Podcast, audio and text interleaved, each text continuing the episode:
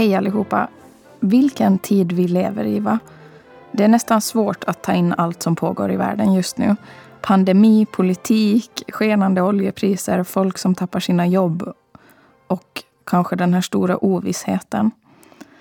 Eh, den annars relativt trygga bubblan som både jag och ni har levt i har skakats om. Och här i Skandinavien har vi ändå väldigt goda förutsättningar. Eh, jag hade egentligen planerat att lägga upp det här sommarpratet på ett annat sätt. Men var ska man riktigt börja? Den 5 mars 2020 åkte jag och min kille Bruno till Rio de Janeiro i Brasilien för att besöka hans vänner och familj för en två veckors semester. Lite visste vi att det skulle bli två och en halv månad i Brasilien. Boende i en trea med min svärmor. Ja, men tack för applåderna. Vem som helst som överlever det förtjänar ett pris, tycker ni inte? Vi fastnade där på grund av att vi helt enkelt inte kunde åka tillbaka till mitt hem i Singapore på grund av covid-restriktionerna. Min hjärna och mitt sinne befinner sig för närvarande i tre länders sätt att hantera den här pandemin. Singapore, där jag bor till vardags. Brasilien, där vi spenderade tiden när det kanske eskalerade som mest i landet. Eh, och i Finland såklart. Just nu befinner vi oss på Åland och eh, jag hoppas att vi kan åka tillbaka till Singapore om en snar framtid. Och det håller på att öppna upp, men vi vet helt enkelt inte när vi kommer att komma in. Eh, med det sagt, det här sommarpratet är menat för att inspirera er till äventyr och resor och kanske ta er utanför komfortzonen. Att våga testa, kanske misslyckas och testa igen. Det finns så mycket att se där ute.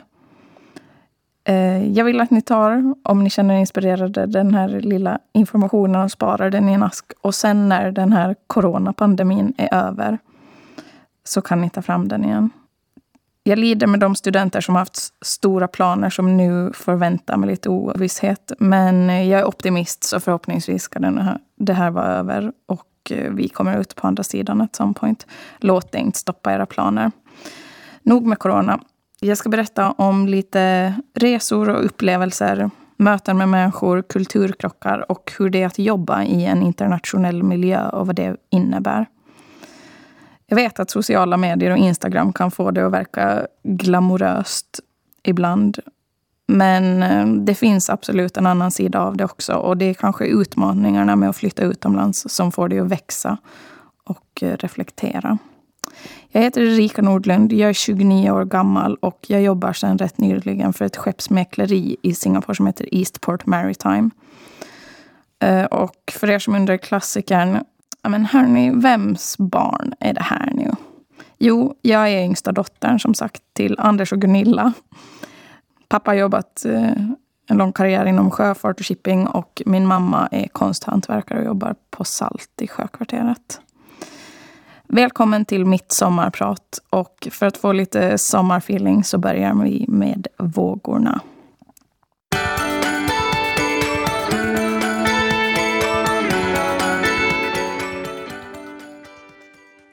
Mina föräldrar är 50-talister, om det säger någonting om någonting. Pappa kommer från Mariehamn, men med en, en ordentlig bit kökarsblod. Och mamma från Åbo, stadsbarn. Eh, mina systrar Anna och Ebba är 10 och 6 år äldre än mig. Eh, och de har sett till att eh, ta hand om den delen av uppfostran som de anser att mina föräldrar har glömt. För att ni ska lära känna mig lite bättre och vem jag är, eftersom jag tror att det bidrar till varför jag är där jag är så kommer lite snabba om mig. Jag gillar italiensk mat. Jag bor tillsammans med Bruno, min sambo, i Singapore. Han är brasiliansk, så ni kan ju gissa kulturkrockarna. Jag gillar sport och havet, båtar och stugliv, konserter. Jag gillar entusiasm och karaktär hos människor och jag har väldigt svårt med folk som pratar för långsamt. Mina vänner vet väl att jag börjar fylla i deras meningar med förslag på ord eh, jag gråter till eh, romantiska komedier och dramafilmer nio av tio gånger. Jag skulle säga att jag var en mitt i raden-student. Och om jag är på dåligt humör så brukar jag försöka titta på roliga djurklipp på Youtube. Om det helt enkelt inte går att rädda. Så då lyssnar jag på Rage Against the Machine. Uh, anyways. Uh, jag brukar på skoj säga att jag är min fars ofödde son. Och kanske hade det inte varit någon skillnad om man hade fått en son eller en dotter. Men han tog med mig på det mesta som han gjorde. Fiskade, hjälpte mig dra upp min eh, fem kilos gädda som är mitt personliga rekord sedan 2001. Eh, vi målade väggar, spikade tag, rensade fisk och fågel, seglade, jagade, spelade fotboll och rökte abborrar. Tillsammans med min mamma eh, såg det till att deras barn skulle kunna klä sig någorlunda, sitta ordentligt vid bordet, föra konversation med folk vi inte känner och röra oss i olika rum. Med olika rum menar jag olika sociala koder. Och eh, sociala koder är ju något man verkligen lär sig när man får bo utomlands. I tillägg har det skapat ett intresse för språk, lyssnat och diskuterat politik, resor och ekonomi runt köksbordet varenda dag klockan 18 sedan 1979. Att se, uppleva, ta reda på och pusha sig själv framåt har med andra ord funnits som en underliggande lärdom under hela min uppväxt. Ska jag säga. Vi har alltid haft en internationell kontakt i vårt hus i och med att pappa jobbar inom sjöfart. Vi brukade höra hur han pratade eller ropade på engelska i telefonen när som helst under dygnet i princip i vardagsrummet. Och vi visste ungefär vem han pratade med för han brukade alltid spegla och ändra sitt uttal i enlighet med personen i den andra ändan. Många av er säkert känner, känner kanske igen att man gör det. Bara en sån sak som om man flyttar till Stockholm så ändras kanske din svenska lite grann för att passa in. Men det brukar ungefär låta så här. Kanske ni kan gissa varifrån de kommer. No, but let me tell you, I told you to tell the agent to not sign the bill of lading. Uh, I must say the way your side is dealing with this is preposterous. No, Giacomo, my friend, listen, I want you to call the agent right now to tell him the cargo is ready to be discharged. Och så här höll det på. Andra exempel på influenser från omvärlden som jag fick som barn var genom de utbytesstudenter som genom åren har bott hos oss. Vidare brukar pappa även bjuda in sina kunder till så kallade åländska upplevelser. Så vi har haft greker, israeler, holländare, egyptier, svenskar, spanjorer med mer som antingen bott hos oss, dragits med ut på fisketävling i Saltvik, fågelskytte eller middag bestående av fem kilo Janssons frestelse. Eh, ett tydligt minne som jag har från när jag var typ 12 år eh, var att jag kom hem från skolan en eftermiddag. Det var en varm eftermiddag i september och hittade en av pappas kunder, en holländare Dink, sovande på gräsmattan. Han hade ingen nyckel eller hade tappat bort den. Men han hade hittat en sunkig gammal madrass i vårt lider. Och ja, jag släppte ju såklart in honom när jag kom hem. Men på, här, på det här viset hade det varit hela min uppväxt. Jag har också kanske vuxit upp med att ha lite skinn på näsan. Med kusiner i grannhuset, tre grabbar i min ålder, slogs vi om lego, och vem som fuskade mest i Monopol och målade snö i ansiktet på varandra tills ja, någon började gråta ungefär. Eh, med min uppväxt som bakgrund så skulle jag kunna diskutera det här om strukturer, jämlikhet och jämställdhet i evighet. Eh, men sist och slutligen så tycker jag att det handlar mer om sunt förnuft. Hur vi behandlar varandra och skapar förutsättningar för varandra som individer och samhälle. Mamma och pappa har alltid varit generösa, men noga med att vara involverade i vad vi tar oss an. Vilket jag idag har insett är ett privilegium. Jag är övertygad att kombinationen av deras aningen, principfasta uppfostran och influenserna som vi haft utifrån under hela min uppväxt är en förklaring till att jag haft tryggheten och modet kanske att åka iväg utomlands. Tonight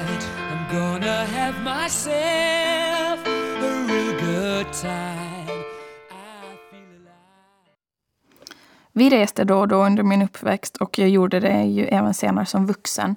Men för mig så räckte det liksom inte bara med att resa. Jag ville lära känna en ny stad, veta vilka restauranger och barer man ska gå till. Vilka konserter som var på kommande gallerier med mer. Jag ville lära känna nya människor, veta varför de tänkte och gjorde som de gjorde. Jag ville jobba med folk från olika länder och helst prata ett annat språk. Min faster och hennes man har levt i USA större delen av deras liv. Och det var kanske där jag fick min första inblick i en annan typ av liv. Och förstod att jag faktiskt kunde välja att göra någonting annat än att komma tillbaka till Åland. Eh, min bästis och numera long distance eh, vapendragare Andrea, hon drog mig med på språkresa till Frankrike när vi var 16. Och vi tyckte ju att vi var ungefär de coolaste typerna på stan. Snackade franska, inom situationstecken. Åt baguetter på franska rivieran utan mamma och pappa. Eh, det här tillsammans med en fantastisk work experience som jag fick göra i London när jag var 22. Ett utbyte till Frankrike och tre månaders resande i USA med Andreas så stod det klart för mig att jag kunde liksom inte bara nöja mig. Men för att ta mig ut i världen så insåg jag att det är viktigt att ha ett brett kontaktnät och det är nödvändigt. Jag jobbade väldigt aktivt med att bygga mitt kontaktnät under studieåren och jag gjorde mässor och betalda och obetalda arbeten. För mig var kontaktnätet den eh, bästa valutan och jag tror att det här är ett steg som är viktigt att ta också om du är sugen på att ta dig ut i världen. Kontakter är nödvändigt. Jag hade mitt sikte inställt på Europa, Paris, Genève eller London. Och eh, tack vare kontakter som jag hade och med lite hjälp från min gamla chef på Alandia så landade jag till slut i London. Janne, Leif, Bernt, Steven, Eva, Mikkola. Alla ni som har hjälpt mig att komma ut och iväg. Jag är evigt tacksam och kanske skyldig er en lunch, antar jag. Här kommer någonting från 2007 som drar mig tillbaka till språkresan i Frankrike. Uh-huh, uh-huh. Yeah. Uh, Rihanna. Uh-huh. Good Så var började jag? Jo, i Paris. City of Lights. Jag pluggade på Chalmers i Göteborg och sen flyttade jag till Hanken för att ta min magister där. Och under tiden i Helsingfors så gjorde jag ett fantastiskt kul byte, utbyte till Paris. Jag fick träna min franska som numera är aningen rostig och uppleva allt som den här stan har att erbjuda. Eh, på universitetet så fick vi såklart känna på ett kanske lite tuffare tempo.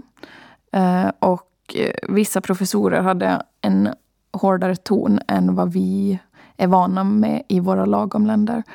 Eh, studenterna är ambitiösa för konkurrensen är hård. Jag och min roomie Ulrika, som tror det eller ej, jag och Andrea hade träffat på vår språkresa i Antibes cirka tio år tidigare. Eh, vi bodde tillsammans och gick på events eh, med Svenska Handelskammaren och umgicks med utbytesstudenter och eh, DJs. Och vi träffade folk från hela världen och fick verkligen uppleva Paris på ett helt underbart sätt. Jag hade tidernas tid och jag kommer aldrig att glömma första veckan när vi blev inbjudna till en efterfest i den trendiga stadsdelen Marais hos Philippe. Vi dansade i det där vardagsrummet och och åt chokladtårta direkt ur en ask och drack champagne tills det blev ljust. Eh, och man kunde se de där vita husen med sina symmetriska rader av fönster och romantiska stuckaturer skimra i morgonljuset.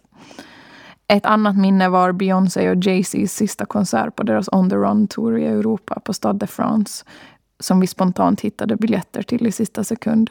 Där stod vi på, mitt på golvet i mörkret med miljoner ljus Medan alla sjöng Forever Young i den där varma septemberkvällen. Och det kändes verkligen som att vi var forever young där och då.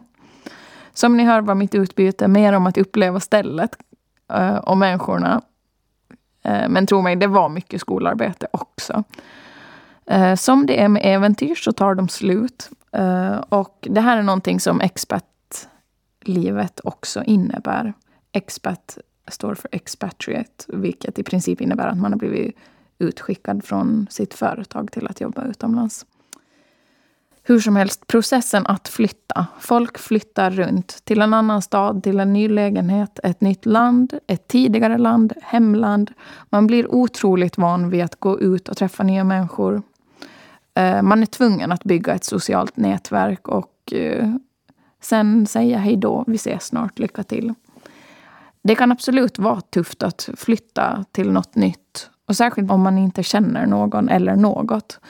Men det som jag skulle säga är att eh, man lär sig processen med tiden. Och eh, generellt så tar det kanske ett år innan man faktiskt riktigt vet om man trivs eller inte.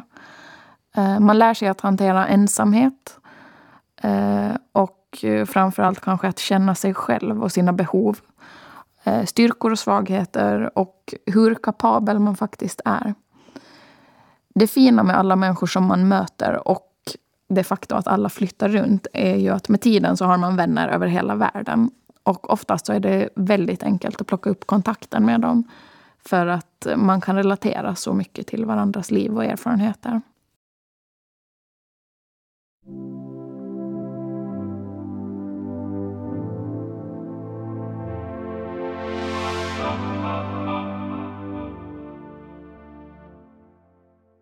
Next up. Det var flytt till London i november efter att jag hade tagit examen från Hanken. Eh, jag flyttade dit och tänkte det här blir amazing och jag njöt absolut. Men jag insåg inte vilken kulturkrock som väntade där. Sen kan jag kanske tänka i efterhand att finans och försäkringsvärlden inte är den mest tacksamma industrin för en ung tjej att eh, jobba i, i London. Privat gick jag på fotboll, comedy clubs, barer, drack eh, halvslö pints, gick på restauranger, jobbevents etc. Eh, det som jag insåg eh, var att jag trodde att i och med att jag pratade engelska ganska bra så skulle det gå fint. Eh, haken var ju bara den att engelsmännen har kanske ett annat sätt att uttrycka sig på. Eh, och lite andra sociala koder som var svårare att läsa av än vad jag hade förväntat mig. Jag har ett par exempel. Eh, de kan framstå som ganska indirekta. Till exempel om du har gjort en uppgift eh, eller berättar om någonting och eh, förväntar dig feedback på dem och de säger ah, interesting. Då betyder det vad i helsike är det här? Gå hem, gör om, gör rätt. Eller att de bara tycker att det är jättemärkligt. När man skriver jobbmail så tenderar vi skandinaver att ha en ganska avslappnad ton i våra mejl. Vi har lätt att göra utropstecken, kanske i en positiv bemärkelse, och smileys. Men det är inte riktigt fallet för dem. Sen råkade jag också ut för någonting som jag kallar för Norwinglish eller Swinglish, vilket är en översättning från eh, norska till engelska. Vi hade en IT-kille på besök som hade installerat ett nytt system och jag var ny och ung och tyckte väl att det där funkar helt bra och var lätt att förstå och följa och sådär. Och han hade inte fått så mycket feedback och så kom han och frågade mig vad jag tyckte om det och så sa jag på svenska till honom eftersom han var norsk. Ja, men det här var superbra. Eh, jag tycker det funkar jättebra. Eh, varpå han började gå runt i, på vårt kontor där alla andra var engelsmän och ropa Ah, Erica says it's superbra. Och superbra på engelska betyder alltså någonting annat. Det betyder inte superbra, det betyder super-bh. Så ni kan ju tänka er blickarna som jag fick. Jag kommer aldrig att glömma första gången som jag kom upp i MBS, Marina Bay Sands. Det är den där båten ni vet som pryder Singapores skyline. Många av er har säkert sett den i något nyhetsinslag eller på ett vykort. Skyskraporna, de glittrade i mörkret i den där varma kvällen i januari. Det var liksom människor där från världens alla hörn i somriga kläder klänningar och ljusa skjortor. Och egentligen är det lite lustigt att man pratar om somriga kläder. För i Singapore är det cirka 30 grader varmt året om. Det finns liksom inte någonting som är sommar eller vinter.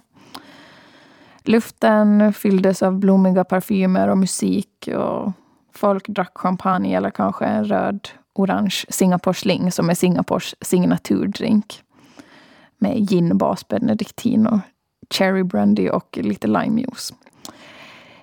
I luften låg liksom en förväntansfullhet och en nyfikenhet och för mig var det pirrigt.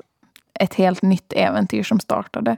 Jag kände, eller hade två bekanta i Singapore och that, that was it. Jag tror att jag alltid har varit ganska orädd av mig. Enligt Andrea ser jag mer möjligheter än problem. Att hon med sitt aningen mer ordningsamma och kanske lite mer analyserande sinne var med när vi var till Frankrike när vi var 16 var helt klart en orsak till varför mina föräldrar lät mig åka överhuvudtaget. Uh, vissa människor får en kick av att hoppa ut ur flygplan. Och för mig så är det nog kanske att få ta mig ur min comfort zone och få alla de här nya intrycken. Jag har inga problem att jag inte känner personer eller att jag inte exakt vet hur saker ser ut eller går till. Jag älskar att lära mig om nya saker och lära mig mer om andra. Och eh, det är kanske framförallt för att det utvecklar mig själv. En av mina största lärdomar av att bo utomlands är att det finns människor i alla kulturer och bakgrunder som är som du. Som du kommer att klicka med. Och det även fast du kanske inte tror det från början. Och om du tror att du inte har några fördomar så glöm det. Vi har alla fördomar. Och eh, det spelar ingen roll var man kommer ifrån. Alla har fördomar om varandra. Och jag skulle säga att det bästa sättet att identifiera dem eller kanske ändra dem.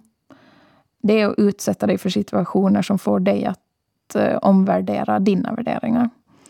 Att ha vänner från hela världen sätter dina egna värderingar, bakgrund och eh, kultur på pallen för eh, utvärdering såklart. Alla förutfattade meningar som du har om andra och som andra har om dig kommer att speglas i diskussioner som ni har. När man har nära vänner från alla hörn, då kan man diskutera många olika problem och infallsvinklar om utbildning, ekonomiska förutsättningar, rasism, sociala strukturer med mer på ett väldigt ärligt sätt. Och man behöver inte heller vara rädd för att bli dömd eller utsatt på något vis. Några av mina bästa vänner idag kommer från Singapore, Indien, Norge och Frankrike. Det känns otroligt lyxigt att få ha dem som bollplank. Dels för min egen kultur, men eh, också som referenspunkt för deras kulturer och länder.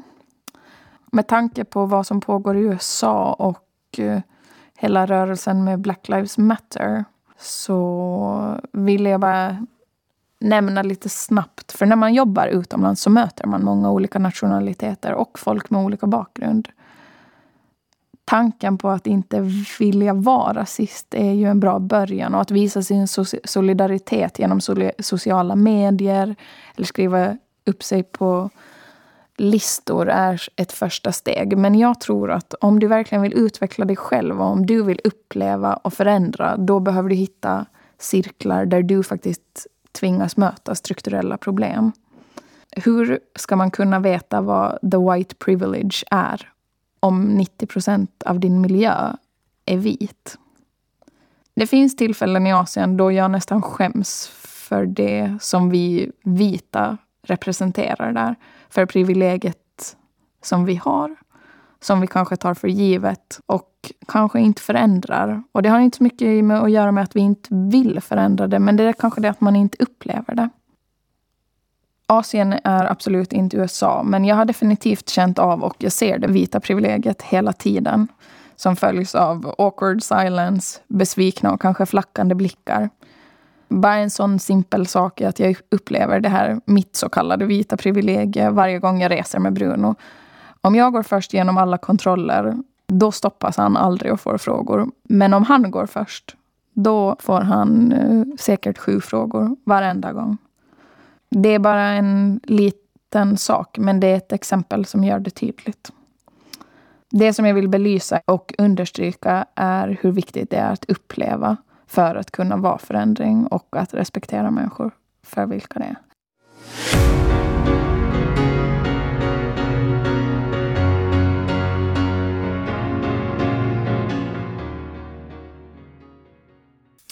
Internationellt sett framstår nog Skandinavien som smått naivt kanske. Att vi har en lite gullig världsbild och självuppfattning. Men samtidigt väldigt beundransvärd. Ofta kommer vi in med våra starka argument för hur det ena eller det andra ska vara utan att kanske förstå den andra miljön.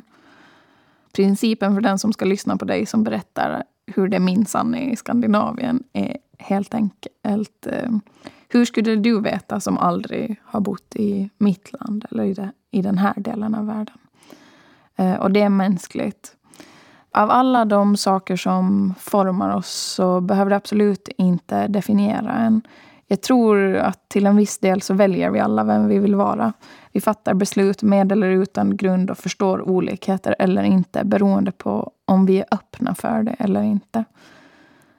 Eftersom det är Singapore som jag bor i nu och som jag funderar mycket på tänkte jag ge er lite mer insight och perspektiv eh, kring Singapore och Asien. Landet är alltså beläget söder om Malaysia. Eh, det var länge en engelskkontrollerad koloni på grund av den sjöfartshubb som det alltid har varit.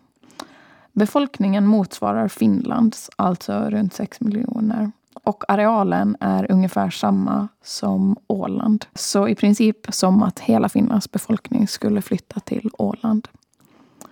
Singapore Straits gränsar mot Indonesien.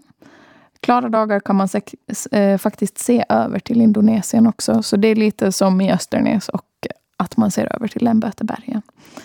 Staden har en helt otrolig blandning av nationaliteter, kulturer och religioner. Och eh, visst får ju det staden att kännas modern på sitt sätt. Speciellt tillsammans med deras glänsande skyskrapor. Singapore har ett superbt klimat för företag och de välkomnar verkligen och stöttar startups. Och det flyter väldigt mycket kapital genom landet.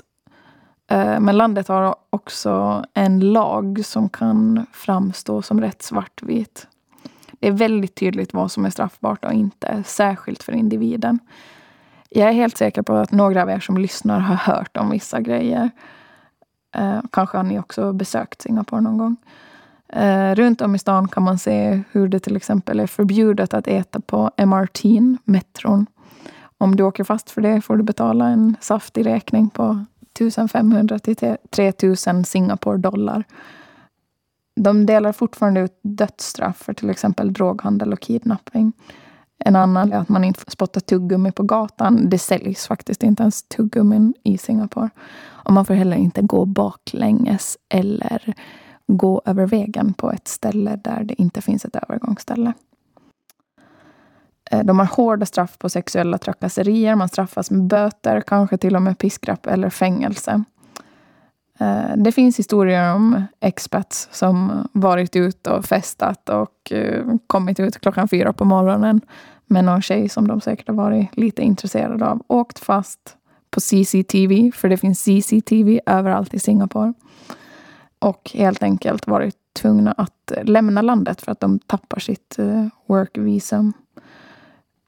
Det finns begränsningar för att ta in alkohol och tobak också. Och vi har en bekant som åkte till Indonesien och köpte en limpa och det blev hans livs dyraste cigarettpaket. Han fick behålla ett paket och betala en räkning på 1200 dollar och lämna ifrån sig resten av cigarettpaketen i den limpan.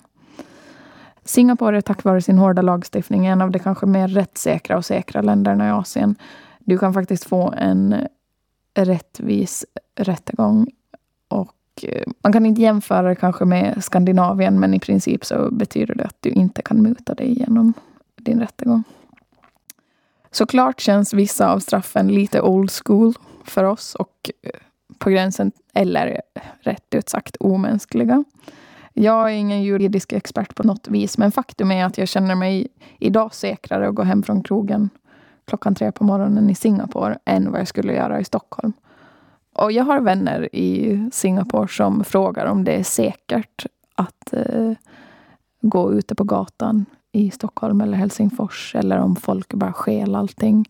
Och det är ju lite lustigt när vi själva tror att det är relativt säkert här. Vilket det ju såklart är också. Men i jämförelse med Singapore så är det en annan eh, miljö. Singapore är ett supermodernt och högteknologiskt samhälle som stat så tror jag att de har ett av de mest effektiva systemen i världen. Deras offentliga sektor funkar otroligt bra. Eller deras olika myndigheter kanske jag ska säga snarare. Eh, och de har världens smidigaste flygplats. Allting är genomtänkt och optimerat. Och jag tror att man kanske behöver uppleva det för att förstå det. Okej, okay, next. Tänk dig att dina föräldrar var tvungna att betala för din skolgång, sjukvård, äldrevård. Och vad kostar det i ett system som inte har samma system som vi? Mm, där olika tjänster subventioneras tack vare skatter. Här i Skandinavien har vi ett helt annat system för att fördela förmögenhet, vilket absolut är bra. Det som jag skulle säga är bara att kom ihåg att inte ta det för givet. Eh, I Singapore finns såklart inget tak på hur mycket du kan tjäna. Bonusarna är vardagsmat. För att ge er lite siffror. Singapore är känt för att vara dyrt såklart. Men jag tänker att det bara ska ge er ett litet perspektiv. I Singapore kostar internationella skolan för en sexåring 20 till 40 000 dollar i året. Eh, för lokala är det mycket, mycket billigare. Ehm, Såklart. Men fortfarande en, finns det en avgift. Mm, men jag skulle säga att det kanske är på ett par hundra dollar per år. Dagis ligger på 1500 dollar i månaden. En flaska rött vin kostar säkert 30-35 dollar. Din antagligen privata sjukförsäkring som du behöver ha. Om den ska vara någorlunda vettig får du betala 5 000 dollar för det. Och i relation till att ha sitt barn på dagis för 1500 dollar i månaden så kostar en hushållerska eller hemhjälp 400 dollar per månad. Ehm, jag skulle säga att det är det billigaste. Så då kan man kanske förstå var, varför folk inte sätter sina barn på dagis till en början, utan man väljer att ha en hemhjälp. Eller en nanny. Jag är i den där åldern där alla mina vänner här hemma föder barn med två veckors mellanrum ungefär. Och att föda barn i Singapore kostar från 2 000 dollar upp till 12 eller 15 000 dollar beroende på vilket sjukhus du väljer. Till på det så behöver du ha en gravidförsäkring som för att täcka en eventuell födsel. Och den behöver du köpa före du är gravid. Så innan du ens har blivit gravid får du slänga iväg 12 000 dollar. Och när man kommer in till sjukhuset så är du tvungen att skriva på ett papper att du lovar att täcka kostnader upp till 200 000 dollar. När man hör alla de här kostnaderna så är det lite kul att fundera på vad ens lön hade räckt till här då. Men såklart är lönerna högre i Singapore också. Eh, vi betalar betydligt högre skatt här, 30 procent jämfört med Singapores som är max 15 procent samt att det inte finns någon kapitalskatt. Eftersom det kanske inte riktigt finns samma socialsystem så har det faktiskt blivit så att kyrkorna fungerar lite som ett substitut för det. Och eh, är du medlem i en kyrka så kan det vara så att de erbjuder sjukförsäkring för sina medlemmar.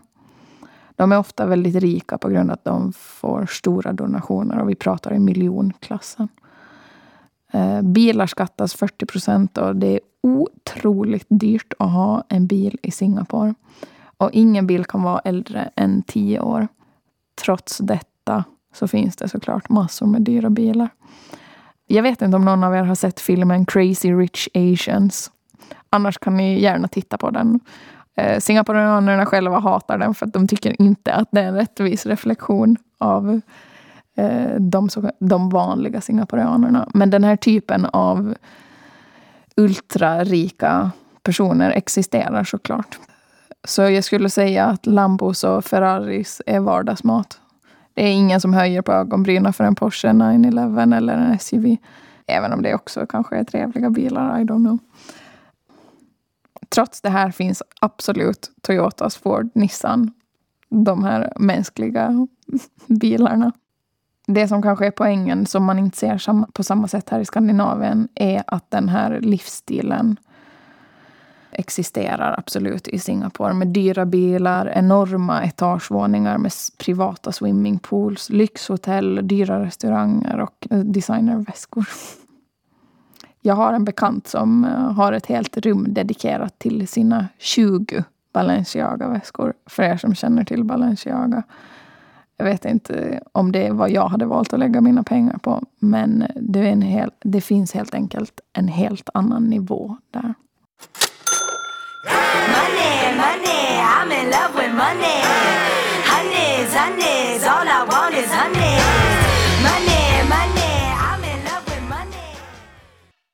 Du spenderar antagligen mindre pengar om du åker till Bali över helgen än stannar i Singapore. Om vi tänker att du går ut och äter middag med dina kompisar och kanske gör någon aktivitet.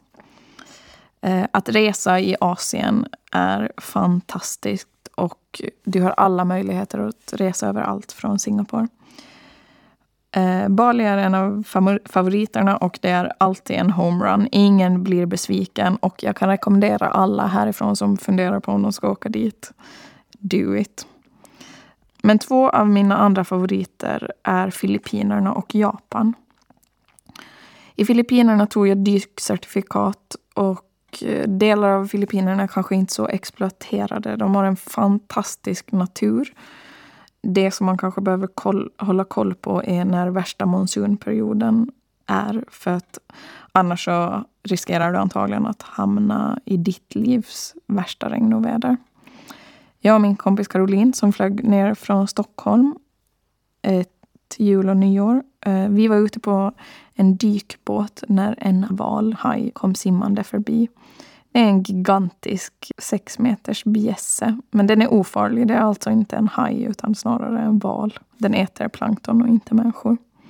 I det området där vi var hade de inte sett någon val på sju år och ägaren till båten var helt lyriska. Jag skulle säga alla var helt lyriska. Vi hoppade upp och ner och eh, ropade och skrek. Och eh, till slut glömde vi allt vad säkerhet hette och hoppade i vattnet.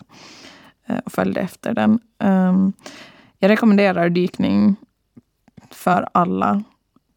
Det är ett helt fantastiskt sätt att uppleva natur på. Ett annat minne som jag hade var när jag och min instruktör var och simmade under ett sardinstim. Under mig var det djupt som i graven. Eh, det bara svartnade när man tittade ner och eh, man fick helt enkelt förlita sig på sin kunskap och sin utrustning.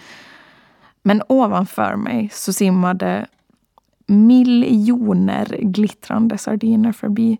Och de simmade i ett långt, långt band upp längs kusten. Mitt i allt så började de röra sig runt om och bildade nästan som en pelare ovanför oss. Och i mitten så kunde vi liksom se solljuset komma ner. Eh, jag har nog aldrig känt mig så liten inför världen.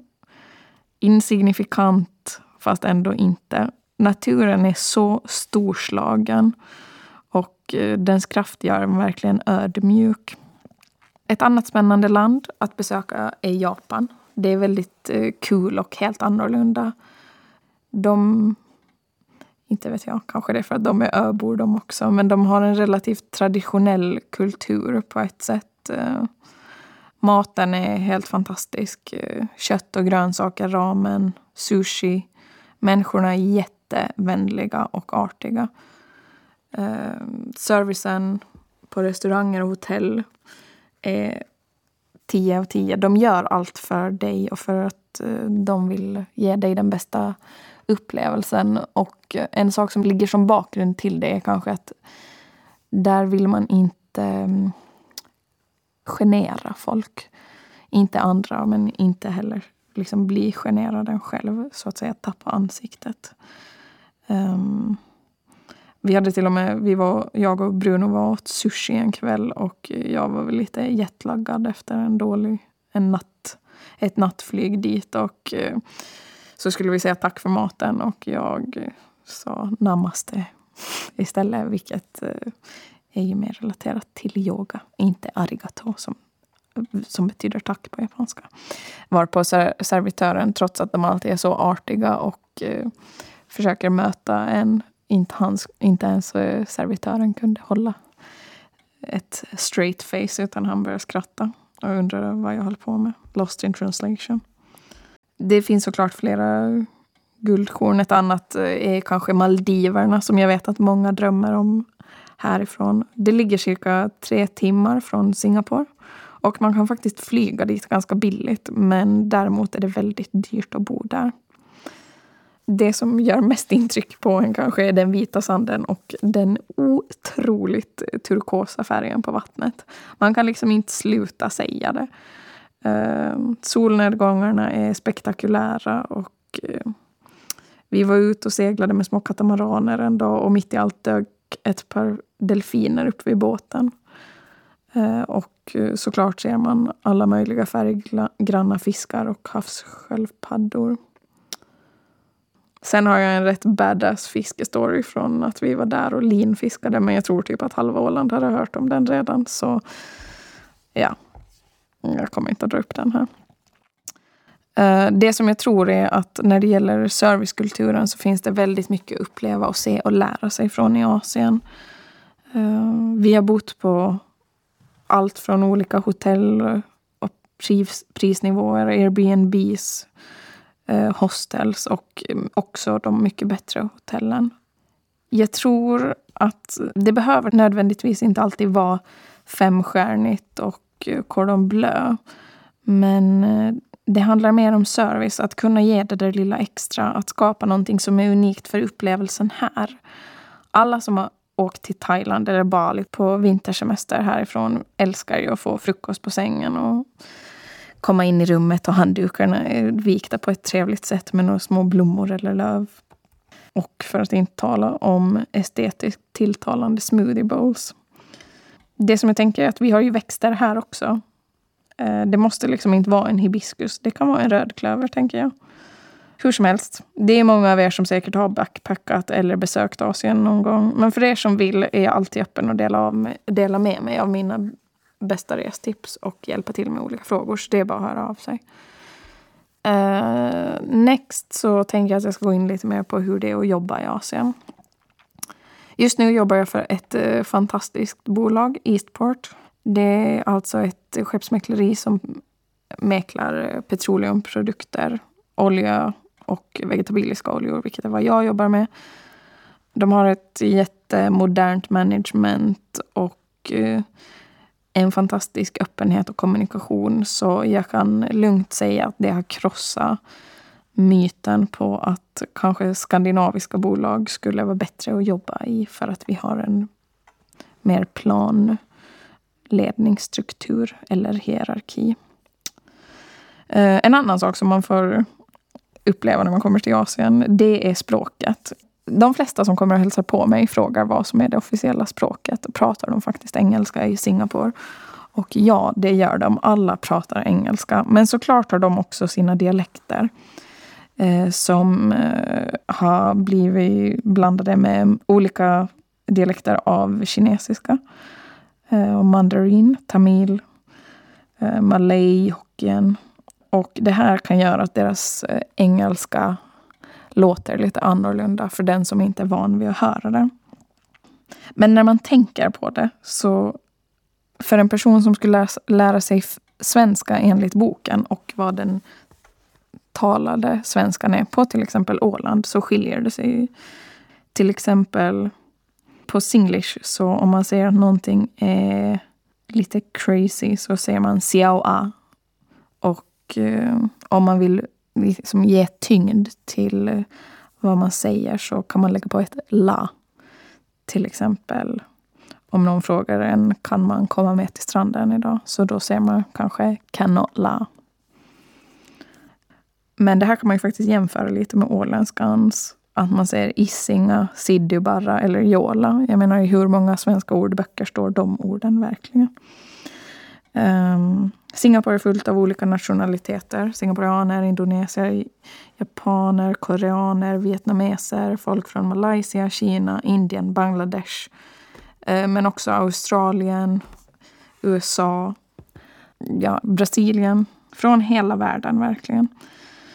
Jag skulle säga att eh, hierarkin är kanske lite mer närvarande. Men eh, det är absolut inget problem det håller på att förändras lite just nu och det handlar nog mer om att om man vill ha en attraktiv arbetsplats så funkar inte riktigt det här toppstyrda konceptet längre. Det är väl the millennials, uh, generation Z, som vill ha flexibilitet och work-life balance. Det var kanske lite mer generellt. Att jobba i ett team som sträcker sig över tidsgränser innebär att man måste hålla koll på klockan hela tiden. Under tiden som vi spenderat i Brasilien har jag jobbat under nätterna och eh, sovit på morgonen, dagen. Helt enkelt för att kunna jobba på Singapore-tider. Och det är 11 timmars tidsskillnad, så total swap. Um, I Singapore är många också, i alla fall i min bransch, tillgängliga 24-7. Det här har nog delvis att göra med konkurrens och service. Om du inte gör det så finns det alltid en annan som kan göra det. Man har kanske inte samma acceptans för att vara på semester som vi har här. Eh, eller att man har gått hem från jobbet, så att säga. Eh, man jobbar medvetet med saker i tid mot andra tidszoner som Europa eller USA. I jämförelse skulle jag kanske vilja påstå, och det här är ju min egna uppfattning nu, att eh, i Europa, i och med att man har en helt annan acceptans till att inte tvinga folk att jobba utanför arbetstider eller när de är på semester, så kan det ibland kännas som att de inte riktigt är lika på hugget. Eller att eh, de ska kanske dricka kaffe på morgonen och kanske tänker helt enkelt inte på att deras partners eller kunder jobbar i en annan tidszon. Eh, så de bokar in möten enligt deras arbetstider. En annan sak är att eh, man kanske inte har koll på helgdagar utanför Europa. Inte för att det är något, annat, något större problem skulle jag säga, men det kan skapa lite stressiga situationer eller onödig väntan. Och till allas försvar så vill jag säga att det här var jag tidigare också. Eh, och jag kan verkligen uppskatta hur europeer kan ha en lite mer laid back, rakt på sak och en effektiv lösningsorienterad inställning. Man stressar inte upp sig över saker i onödan. Eller ringer 16 gånger inom 20 minuter eller skickar 32 e-mail om någon grej som inte kommer att ske förrän om åtta veckor ändå. När man jobbar utomlands så jobbar det ofta med olika nationaliteter. Då. Det kan vara utmanande men det är samtidigt jätte, jättegivande och lärorikt. Jag älskar verkligen det. Man lär sig massor om hur man själv och andra människor kommunicerar. Några av mina kollegor och exkollegor har blivit nära vänner. Och det är en blandning av norrmän, engelsmän, såklart finländare, singaporianer och ålänningar. Och jag tror att trots alla våra olikheter så kan man faktiskt också enas i upplevelsen om våra olikheter. Eh, jag har fått jobba med kunder som är kineser, japaner, vietnameser, indonesier och indier. Och jag vill verkligen understryka att trots att det finns vissa generaliseringar så hittar man fantastiska människor i alla kulturer. Om du kanske jobbar som en chef för ett internationellt team och särskilt om du inte har erfarenhet av att bo utomlands så skulle jag passa mig för att skylla problem på kulturskillnader. Det är lätt att göra det men att man reser dit två gånger i året räcker liksom inte för att förstå de faktiskt underliggande orsakerna.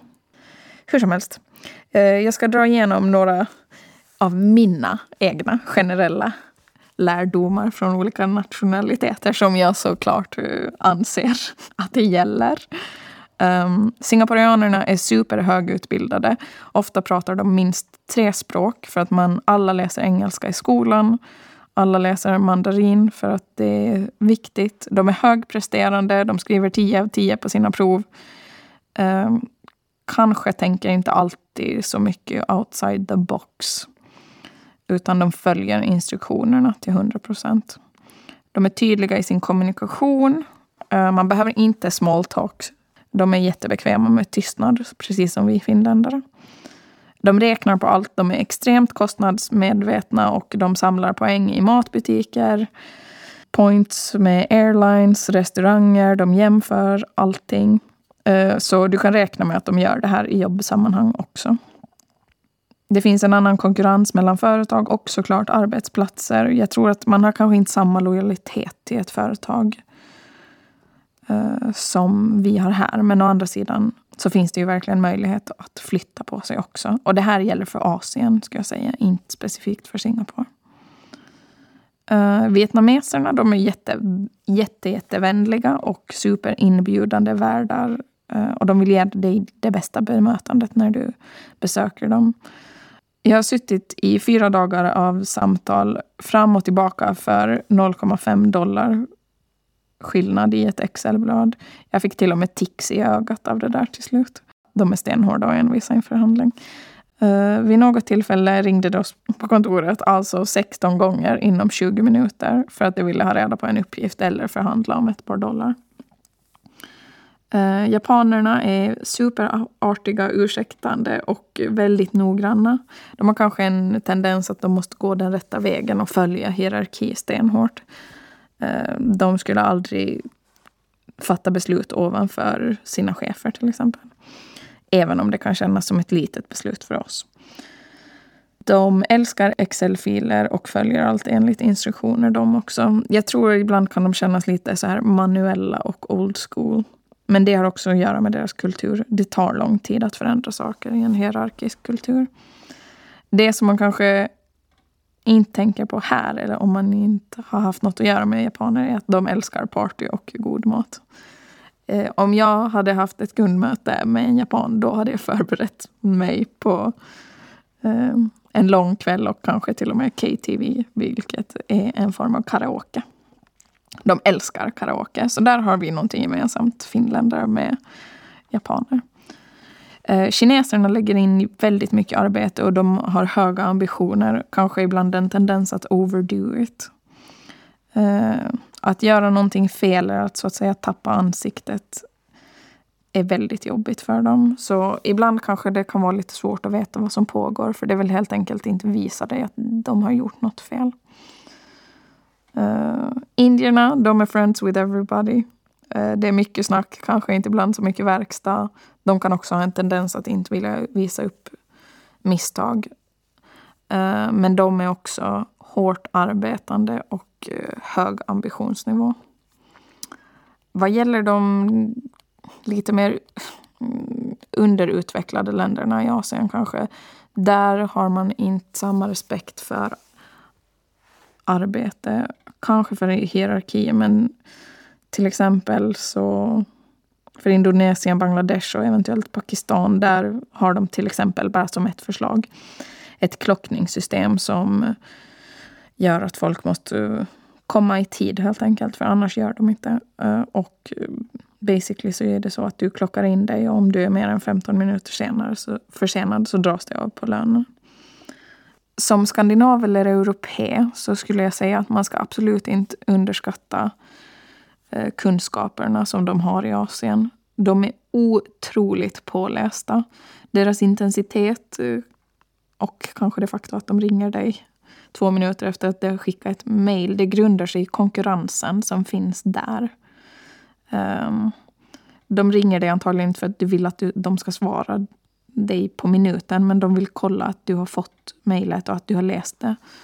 Eh, och kanske säkerställa att du svarar. För då kan de rapportera det uppåt.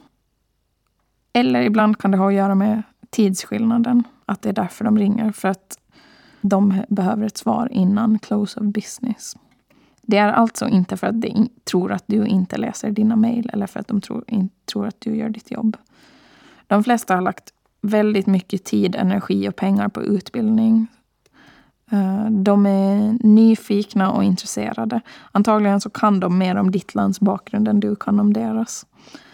En annan grej som är typiskt för Asien det är att folk är lite vidskepliga. Och ibland kan det verka lite lustigt men det är också någonting som man behöver respektera och som man kan mötas i om, om man visar att man känner till det. De älskar att testa så kallade angmås vilket är benämningen för vita människor i Singapore. Det är ett historiskt ord från back in the days. Men de älskar att testa mat, särskilt eh, kryddig och stark mat. Och mat är ett sätt att samlas socialt. De tycker nog kanske att om man inte vågar testa vad de bjuder på så framstår det som lite oartigt och att du är lite kinkig. Liksom. En vekling som inte tål spicy level 5. Är det någon man faktiskt kan jobba med? Liksom. Eh, men såklart så finns det tillfällen då det kan verka aningen magstarkt. Och det är helt okej okay att säga nej tack om någon lägger fram aphjärna eller orm. Nej men eh, jag har faktiskt aldrig blivit erbjuden det. Men det finns sjögurka Birds Nest som alltså är ett fågelbo. Man vill helst inte tänka på vad det är när man äter det. Eh, marinerade kokta, kokta kycklingfötter, absolut. Men som många av er vet finns det också fantastisk mat. Curry, chili crab, vietnamesisk pho, pad thai, banh mi, dumplings, sushi med mera.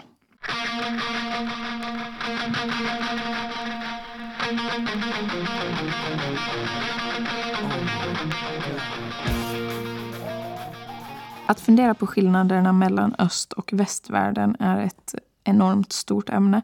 Man trippar på fina linjer för att, i försöken att förstå varandra. Titta bara på USA och Kina. I västvärlden, och eh, det här är ju min egna generalisering av oss själva, så tycker jag att vi har en, tenden, en tendens av att vilja berätta för alla hur saker egentligen borde fungera. Det är verkligen fascinerande hur vi än idag lider av något slags Columbus-kolonial-syndrom. Där vi liksom tror att det är vi som gör rätt och inte bara annorlunda. Och jag tror att det här blir kanske inte tydligt eh, förrän man faktiskt har spenderat, spenderat lite tid i en annan miljö eller kanske på en annan kontinent. Eh, vi har ett sätt att, eh, eller ett bemötande där vi som sagt verkar tro att vårt sätt är rätt. För att zooma in lite. Faktum är att Skandinavien är fantastiskt på många sätt och jag älskar det här stället och jag älskar Åland. Eh, men jag tror att vi måste också komma ihåg att det är förhållandevis litet populationsmässigt. Och såklart att vårt sätt nödvändigtvis inte är det enda rätta sättet. Eller kanske inte heller applicerbart, även om det kan tyckas eftersträvansvärt, absolut. Eh, det finns massor med saker som jag tror att man kunde implementera i andra delar av världen. Men det behöver anpassas till deras kultur och tradition och det behöver tid. Jag tror att med en lite mer sympatisk approach för att lyssna på hur andra gör och hitta skillnader och sen bara berätta hur det fungerar i Skandinavien så kanske du kan lyckas och inspirera folk istället för att få en, ja, hit kommer du och säger hur bra ni är, men vet ni att ni bara är 6 miljoner och här är vi 180 miljoner. Men att rynka på näsan åt något som är annorlunda och diktera hur saker minsann ska göras kommer kanske inte att få den effekten du söker. Jag tycker att man ska omfamna saker som är annorlunda och lära sig hur de fungerar. Att ha högljudda diskussioner, att spela the corporate game, att förhandla i en kultur där folk inte bryr sig om hur du känner dig utan du måste argumentera för dig själv, din position och ingenting annat. Eh, det är mycket man har att lära sig. Istället för att vara obekväm med den här typen av situationer så behöver man ta reda på sina styrkor i förhållande till kanske sin kunds eller sina medarbetare. Förstå dem istället för att avfärda dem. Jag jobbar just nu i ett företag som har kontor över hela världen. Och eh, på kontoret i Singapore så är det, ja, det är typ 97 asiater och vi är tre västerlänningar. Så ni kan ju tänka er att man sticker ut. Jag är så van vid det här laget så det spelar ingen roll för mig. Eh, I början är kanske singaporeanerna försiktiga och väldigt artiga och korrekta. Det tar tid att lära känna dem, men det tar tid att lära känna folk i Skandinavien också. Uh, Singaporeanerna, jag tycker att de är lite, har en sån tendens att vara liksom naturligt skeptiska, precis som ålänningar eller finländare. Det är liksom inga konstigheter. Och, och för mig så var det faktiskt mycket enklare att anpassa mig till den asi asiatiska eller singaporeanska kulturen än den brittiska. Singaporeanerna säger som det är och de håller sig till fakta. De är bekväma med tystnad och som jag sa tidigare kräver de inte mer small talk än nödvändigt. Det är bara det att man måste förstå eller veta om att det är så. Sen å andra sidan så finns det faktiskt folk som inte har något filter överhuvudtaget. Precis som överallt. Många av dem har studerat i Europa och på det viset så har de faktiskt mycket mer kunskap om oss, upplever jag. Singapore har byggt sin framgång på strategiska beslut, såklart ekonomisk frihet, men de har också stora visioner på 50 år har de gått från att vara en liten asiatisk fiskeby och en hamnstad till en stark finansiell hubb. De har vågat drömma och satsa. Deras nästa vision är att bli en smart city eller nation. Eh, de har smarta teknologiska lösningar för att spara energi och satsar på hållbarhet och välmåendet för sin befolkning de jobbar hela tiden på hur Singapore ska vara det mest attraktiva stället i Asien för människor att bo och leva i. Och för företag att investera i. Singapore har ett mål att nå en befolkning på 9 miljoner för att säkerställa att landets ekonomi utvecklas stabilt och att Singapore behåller sin status som högteknologiskt och finansiellt centrum även i framtiden när man ser det här, då kan jag ibland tänka, men vad är Ålands vision? Var vill vi att Åland ska vara om 40 år? Vi har natur, vi är jordnära här, vi har ren luft, vi har lokalproducerad mat, fiske, historia och kultur. Jag brukar ibland fundera på vad är det man behöver göra här för att en Singapore billionaire ska komma hit på retreat när han behöver vila upp sig från jobbet. Hur paketerar man Åland för att det ska passa en singaporean? ett eh, lite lustigt exempel i förhållande till hur vi lever här är att i Singapore produceras väldigt lite mat lokalt. Man importerar allting. Det finns inga bondgårdar och eh, i en undersökning som man gjorde bland skolbarn så fick de en fråga var äggen kommer ifrån och eh, en majoritet svarade från butikshyllan. Så ni kan förstå vilken upplevelse och kanske lyx det är att eh, ha egna höns eller att kunna gå ut och plocka ägg, äta närproducerat och att kunna se kossor på daglig basis. En del av att åka iväg utomlands är ju att lära sig mer om hur det fungerar där. Lära sig vad deras referenspunkter är och därifrån kan man kanske bygga någonting. Jag tror att alla ålänningar som bor utanför Åland är starka Ålands ambassadörer och jag gör absolut inget annat än att skryta om hur fantastiskt det är här. Men samtidigt så är det också bra att blicka inåt och se hur kan vi förbättra eller förändra? Kanske paketera eller profilera för att eh, det ska bli mer attraktivt för resten av världen. Jag hade kunnat prata i tre timmar till, helt säkert, om hur svårt jag har att förstå moder-son-relationen i en latinokultur, politik i Brasilien, jämställdhet och min favoritmat i Asien. Mer resor, ja, vad som helst. Men min tid håller på att ta slut. Eh, jag hoppas att jag kunnat inspirera dig och kanske ge ett perspektiv snarare än att jantelagen tar över. Jag vet att den sitter hårt i alla här. Om du sitter där hemma och funderar på att åka iväg utomlands, tveka inte att höra av dig. Jag tror att många av de andra utlandsålänningarna som befinner sig i USA, England, Australien, Hongkong, Berlin, var än de är, de hjälper nog gärna till med tips och råd även de. Vi vet ju precis hur det är att komma som ny. Eller vi vet vad det är du inte vet. Eller vilka Facebookgrupper du borde gå med i eller inte. Kom ihåg att bygga kontakter. Det är viktigt och jag tycker själv att nätverkande är det bästa som finns. Tveka inte att höra av dig på din Facebook eller via min Instagram eller familj eller mina vänner. Jag lovar att jag ska försöka hjälpa med det jag kan. Till alla er som lyssnat, om ni nu inte minns någonting av allt som jag har babblat på om, bara kom ihåg den grejen.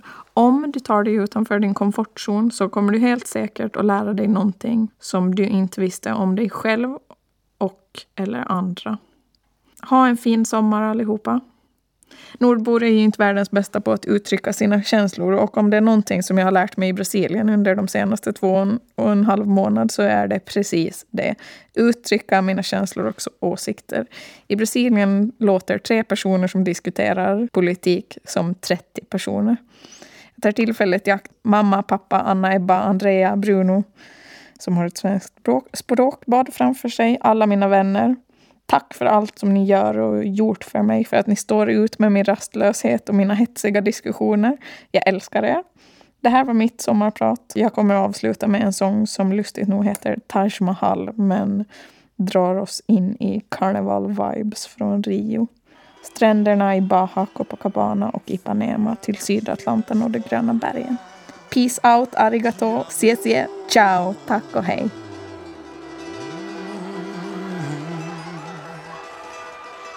Que até hoje